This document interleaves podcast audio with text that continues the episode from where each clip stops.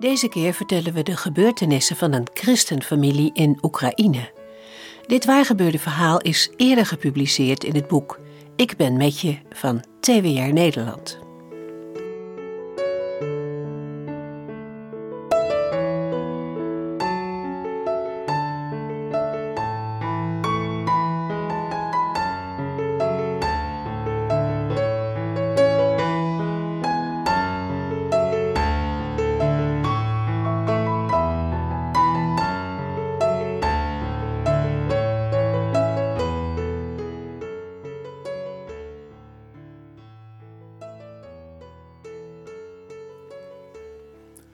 Het is februari 1967 en een Volkswagen stopt in de Rue de la Poste voor een groot kantoorgebouw in de oude stad van Monaco.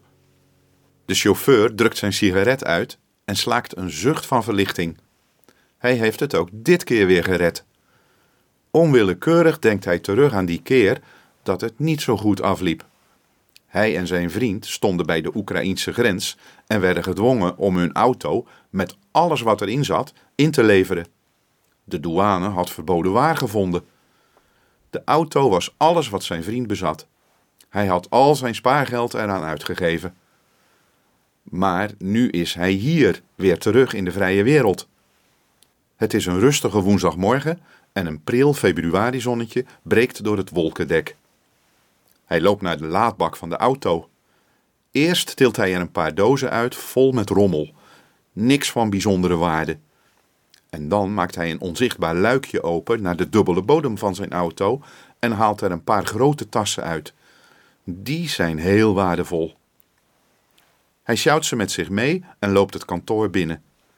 Daar is het een gezellige drukte. Mensen aan de telefoon, achter typemachines en in vergadering. Er is iets bijzonders aan de hand met deze groep mensen. Ze behoren namelijk niet toe tot de inwoners van het moderne Monaco. Als je goed luistert, dan hoor je een mengelmoes van talen: Duits, Engels, Russisch, Hongaars en zelfs Tsjechisch. Als de man binnenkomt, stopt het geroezemoes abrupt. Er gaat een gejuich op. Michaelo is aangekomen. Hij is veilig terug. Sommige van de christenen, want dat zijn het, roepen: Halleluja, prijs de Heer. En de meer ingetogen christenen danken God diep in hun hart dat hun gebeden beantwoord zijn. Michaelo is teruggekomen van een zogenaamd familiebezoek in de Oekraïne. Als Duits staatsburger mag hij vrij rondreizen in dat land. Het familiebezoek is echter een dekmantel. Michaelo werkt namelijk als koerier voor het christelijke radiostation Transworld Radio in Monaco. Nick Leonovic, hoofd van de Russische afdeling, loopt naar Michaelo toe. Ze geven elkaar een stille omhelzing. Woorden zijn niet nodig. Nick ziet de pijn en het verdriet in Michaelo's ogen. Pijn om zijn volk dat zo moet lijden. Pijn om vrienden die er opeens niet meer zijn. Gearresteerd, verdwenen. Niemand zal zeggen waar ze zijn gebleven. Samen lopen ze naar de zevende verdieping. Hier zijn de vier radiostudio's en de drie technische ruimtes. Laat gauw zien wat je hebt, man. Nick kan zijn nieuwsgierigheid niet langer bedwingen. Michaelo maakt de tassen leeg. Er rollen vijftien geluidsbanden uit. Het zijn banden met opnames van preken, getuigenissen en geestelijke liederen. En ze zijn allemaal in het geheim opgenomen door moedige christenen achter het ijzeren gordijn. Vaak is dat in het holst van de nacht gebeurd, op zolders en in appartementen, met matrassen voor de ramen om de gehorige kamers zo geluidsdicht mogelijk te maken. Ook Earl Poisty komt erbij staan. Hij is benieuwd naar de Russische opnames. Het horen van de Russische geestelijke liederen bezorgt hem altijd weer kippenvel. Ook al is hij tegenwoordig Amerikaan, het Russische bloed blijft altijd door zijn aderen stromen. Hij houdt van zijn volk en vooral van de jeugd. Hij maakt graag uitzendingen voor hen en probeert hen vol eenvoud en passie via de korte golf aan de voeten van de Heer Jezus te brengen. Samen met zijn vrouw en kinderen is hij verhuisd naar Monaco. Dat is toch het minste wat hij kan doen om de Russen bij te staan? Als Michaelo die avond op het balkon van zijn hotelkamer in Monaco staat, kijkt hij in de richting van de Mont Agel, waar ruim 1100 meter hoger de grote zendmasten de lucht insteken. Michaelo bedenkt hoe wonderlijk God werkt en hoe hij zijn plannen altijd uitvoert in de geschiedenis. Dat was zo in de tijd van de Bijbel. Bijvoorbeeld toen Jozef naar Egypte werd gestuurd om zijn volk van de honger te redden. Maar ook nu gaat God door met zijn plan. De grote zender op die berg is ooit door Hitler gebouwd om het nazisme te propageren. Maar nog voordat Hitler de zender in gebruik kon nemen, stortte zijn duivelse rijk ineen. Hitler is er niet meer, maar de zender staat er nog. Paul Fried, de oprichter van TWR, zag in 1959 grote mogelijkheden om via deze zender miljoenen mensen te bereiken met het evangelie van Jezus Christus. Rond de tijd dat er een Volkswagen stopt in de Rue de la Poste in Monaco, lopen er in de Oekraïne in de verte twee witte figuurtjes in de door de sneeuw bedekte wereld. Voorovergebogen ploeteren ze het veld over, tegen de sneeuwstorm in. Alles is wit: bomen, velden en de daken van de paar arbeidershuisjes. De wind giert om hen heen en blaast de voetstappen die ze achterlaten direct weer weg.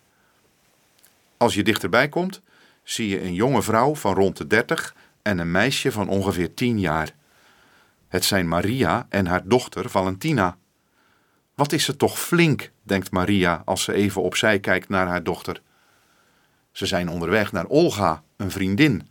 Het is zeven kilometer lopen, een hele tocht. Maar Maria heeft dat ervoor over. Een bezoekje aan Olga geeft haar altijd weer nieuwe kracht. Valentina houdt de hand van haar moeder stevig vast. Diep in haar hart vindt ze het fijn om zo samen met mama te zijn. Ze denkt aan school en aan de meester. Vandaag heeft hij weer geprobeerd om haar om te praten. Hij zei alweer dat God niet bestaat en dat de Bijbel een sprookjesboek is. Het jonge meisje Valentina zucht. Waarom is alles toch zo lastig? Waarom mogen ze niet gewoon in de Heer Jezus geloven? Als de meester nu ook maar in God ging geloven, dan zou het veel leuker op school zijn. Dan komen ze bij Olga's huisje aan. Olga doet de deur open en kijkt hen stralend aan. Maria en Valentina, wat zien jullie eruit? Helemaal wit geworden. Kom maar gauw binnen. Ze schudden de sneeuw van hun kleren en stampen met hun laarzen. Binnen is het heerlijk warm en gezellig. Er zijn nog meer mensen gekomen en ze zijn verwikkeld in een serieus gesprek. Maar als ze moeder en dochter binnen zien komen, lichten hun gezichten op. De kille, koude winter bedekt niet alleen de natuur in de Oekraïne. Ook de harten van de mensen zijn er verkeeld. Het communisme is overal binnengedrongen en ontkent overal het bestaan van God. In de huizen, de scholen, de kranten, de boeken en noem maar op. De geheime dienst is overal aanwezig. Kerk en religie is voor de zwakken, zo wordt verkondigd. Ze zullen spoedig verdwijnen. Er komt een heilstaat waarin iedereen gelijk is en evenveel bezit. De kerk waar Maria en Olga vroeger naartoe gingen, is al jaren gesloten. De voorganger is vermoord en veel dierbare bekenden zijn verdwenen. Niemand weet waar naartoe. In de gevangenis? Of misschien ook vermoord? Maar wat doen Maria en haar dochter Valentina dan in het geheim bij Olga? Met dat kleine groepje mensen. Het nieuws is al een paar maanden terug als een lopend vuurtje rondgegaan onder de christenen in het gebied. Op de radio kun je nu christelijke programma's horen. En in die programma's wordt het onvervalste woord van God gesproken. Het is waar en er is zelfs muziek in het Oekraïens. Olga heeft, als een van de weinigen, een radio. Voor de andere boeren uit het gebied is het bezit van zo'n radio een onbereikbare luxe. En daarom gaan ze een paar keer per week naar Olga toe. Het programma begint om 7 uur 's avonds. Een mooie tijd, vooral in de wintermaanden, omdat het dan al donker is en veiliger. Deze radioprogramma's vertellen een andere boodschap dan het communisme. Hoorde je van de communisten dat je niemand kon vertrouwen en mensen moest aangeven? Op de radio wordt verteld wat het betekent om je naaste lief te hebben en voor elkaar te zorgen. Dat is verfrissend. Voordat het programma begint, pakt Olga haar Bijbel en leest een paar versen voor. Iedereen is stil. Thuis hebben Maria en Valentina geen Bijbel. Die boeken worden al jaren niet meer gedrukt. De Bijbel van Olga is nog een oud exemplaar van haar moeder. Om zeven uur draait Olga aan de knop van het toestel en zoekt naar de juiste frequentie. En ja, daar klinkt de bekende stem van Earl Poisty. Voorgangers in de Oekraïne zelf moeten heel voorzichtig zijn met welke woorden ze gebruiken om niet gearresteerd te worden. Maar Earl Poisty zit in het veilige Westen. Hij kan in alle vrijheid het woord van God uitleggen zonder bang te hoeven zijn voor de KGB. Iedereen in Olga's huisje luistert ademloos. Als ze later die avond Olga weer verlaten, is de storm gelukkig gaan liggen. Maria voelt zich gesterkt door de mooie woorden. En Valentina? Zij heeft genoten van de warmte en de gezelligheid bij Olga. Maar ook zij heeft nieuwe dingen geleerd. Het zal haar vast helpen als de meester haar morgen weer eens probeert te overtuigen dat geloof alleen maar voor zwakke mensen is. Op een dag komt Valentina's vader thuis met een pakje onder zijn arm. Zijn vrouw vliegt hem om de hals. Is het gelukt? Ontroerd pakken ze samen de doos uit. Een eigen radio. Na twee jaar hard werken en sparen hebben ze een eigen radio. Nu hoeven ze niet meer naar Olga. Ook het huis van Maria en Valentina wordt een verzamelplaats voor andere gelovigen, voor kinderen en jeugd uit de omgeving. Maria nodigt ook de buren uit. Zij zijn dan wel geen christenen, maar Maria weet dat ze de communistische praat van de regering behoorlijk zat zijn en graag een ander geluid willen horen. De communistische regering is niet blij met de buitenlandse radioprogramma's. Ze probeert het signaal op allerlei manieren te storen om zo te voorkomen dat de mensen goed kunnen luisteren. Maar de luisteraars doen hun uiterste best om elk woord op te vangen. Soms zetten ze de radio op een andere plek, een plank bij het raam of op de koelkast. Elk succes voor een betere ontvangst is een kleine overwinning. Wat de luisteraars op het platteland van de Oekraïne niet weten, is dat ook Transworld Radio in Monaco ervan op de hoogte is dat de Sovjets proberen om de signalen te storen. Door het vermogen van de zender te verhogen of de frequenties te veranderen, lukt het TWR toch om de boodschap te laten horen in de gesloten Sovjet-Unie. In het dorpje van Valentina komt al jaren geen voorganger meer langs. Ze zijn allemaal gearresteerd. Maar de radio zorgt voor hun kerkdienst. Ze zingen, bidden en luisteren samen en gaan weer naar huis met een verwarmd hart. Valentina houdt het meest van Earl Poisty. Hij praat over God alsof hij hem vanmorgen nog gesproken heeft. Op een dag is Valentina op haar knieën gegaan en heeft ze samen met Earl Poisty haar leven aan de Heere Jezus gegeven. In de loop van de jaren groeit Valentina op tot een mooie jonge vrouw. Haar geloof is sterk en geworteld geraakt, en geen atheïstisch regime kan dat nog bij haar wegnemen.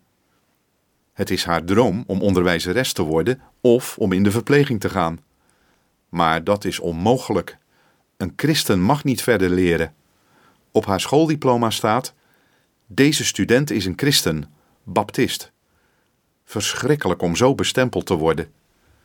Maar God is sterker dan welk regime of welke leer dan ook. We maken een grote sprong in de tijd en komen aan in 9 november 1989. En wat niemand al die jaren durfde te verwachten, gebeurt toch. De muur in Berlijn valt en de gesloten landen in het Oostblok gaan open. Later zegt Erich Honecker, het voormalig staatshoofd van de DDR, daarover: We waren op alles voorbereid, maar niet op kaarsen en gebeden. De beloftes van het communisme, van gelijkheid en gelijk bezit, zijn nooit uitgekomen. Een paradijs op aarde of de heilstaat is er niet gekomen. De communistische staat bleek een nachtmerrie te zijn, waar geweld en het schenden van mensenrechten aan de orde van de dag waren. In de loop van de jaren is het kantoor in Monaco een stuk leger geworden. De Russische afdeling is verhuisd naar Duitsland. Maar ook de anderen zijn uitgevlogen naar hun eigen land.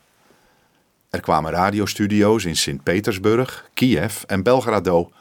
En er werden contacten gelegd met landelijke zendstations. Sommige zenders, die Stalin ooit neerzette voor de propaganda van het communisme, werden in gebruik genomen voor de boodschap van Jezus Christus. Valentina heeft uiteindelijk toch doorgeleerd. Ze heeft de Bijbelschool kunnen afmaken. Tegenwoordig is Valentina leider van een vrouwenbeweging in de Oekraïne. Ze geeft Bijbelstudies aan vrouwen. Ook is ze directeur van een stichting die zomers christelijke kinderkampen organiseert. Ze luistert nog steeds naar de programma's van TWR. En nog altijd heeft ze een favoriete spreker. Maar het is niet langer Earl Poisty, maar haar eigen dochter Natalia. We maken weer een grote sprong in de tijd en komen aan in het jaar 2011 in de stad Kiev in de Oekraïne. Natalia leest daar haar script nog een keer door. Vandaag gaat de uitzending van TWR over gehandicapten. Ze heeft gasten uitgenodigd. Gehandicapten die hun verhaal vertellen. Zij vertellen hoe het hen gelukt is om te functioneren in deze harde maatschappij. Door de grote armoede is er voor veel gezinnen geen geld voor een medische behandeling. Veel mensen met een handicap worden door de samenleving genegeerd en afgewezen. Maar Jezus leert juist om op te komen voor de zwakken in de maatschappij. Hij geeft hen hoop. Natalia bidt dat ze de juiste mensen mag bereiken. Het is al een wonder dat het programma nog steeds wordt uitgezonden via de landelijke radiozenders. Stilletjes bidt ze dat God hen nog veel tijd geeft om via deze zender zijn woord door te kunnen geven. Het is een onderwerp dat haar en de collega's niet loslaat. Vooral niet sinds het Russische TWR-team alweer moest uitwijken naar het buitenland. Hoe lang zal het in haar land nog duren voor de regering het evangelie weer onder censuur zal stellen? Natasja denkt in haar gebed aan Psalm 78, vers 8, waar staat: Wij zullen ze niet verbergen voor hun kinderen, maar aan de volgende generatie de loffelijke daden van de Heere vertellen, zijn kracht en zijn wonderen, die hij gedaan heeft. Ze denkt aan de kracht van God, die haar zover heeft gebracht als ze nu is gekomen, en besluit verder alleen op Hem te vertrouwen en zich niet te laten leiden door de verontrustende tekenen. Natalia's mobieltje piept. Ze heeft een berichtje ontvangen van haar moeder. Succes straks met je programma. Wij bidden voor je. Kusjes, mama en oma Maria.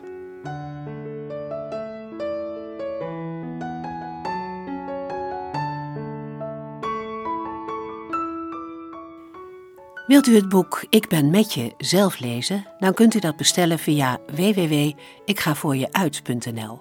Ik herhaal www.ikgavoorjeuit.nl. Als u dan uw naam en adresgegevens vermeldt, dan sturen wij u het boekje toe en betaalt u alleen de portokosten van 2 euro.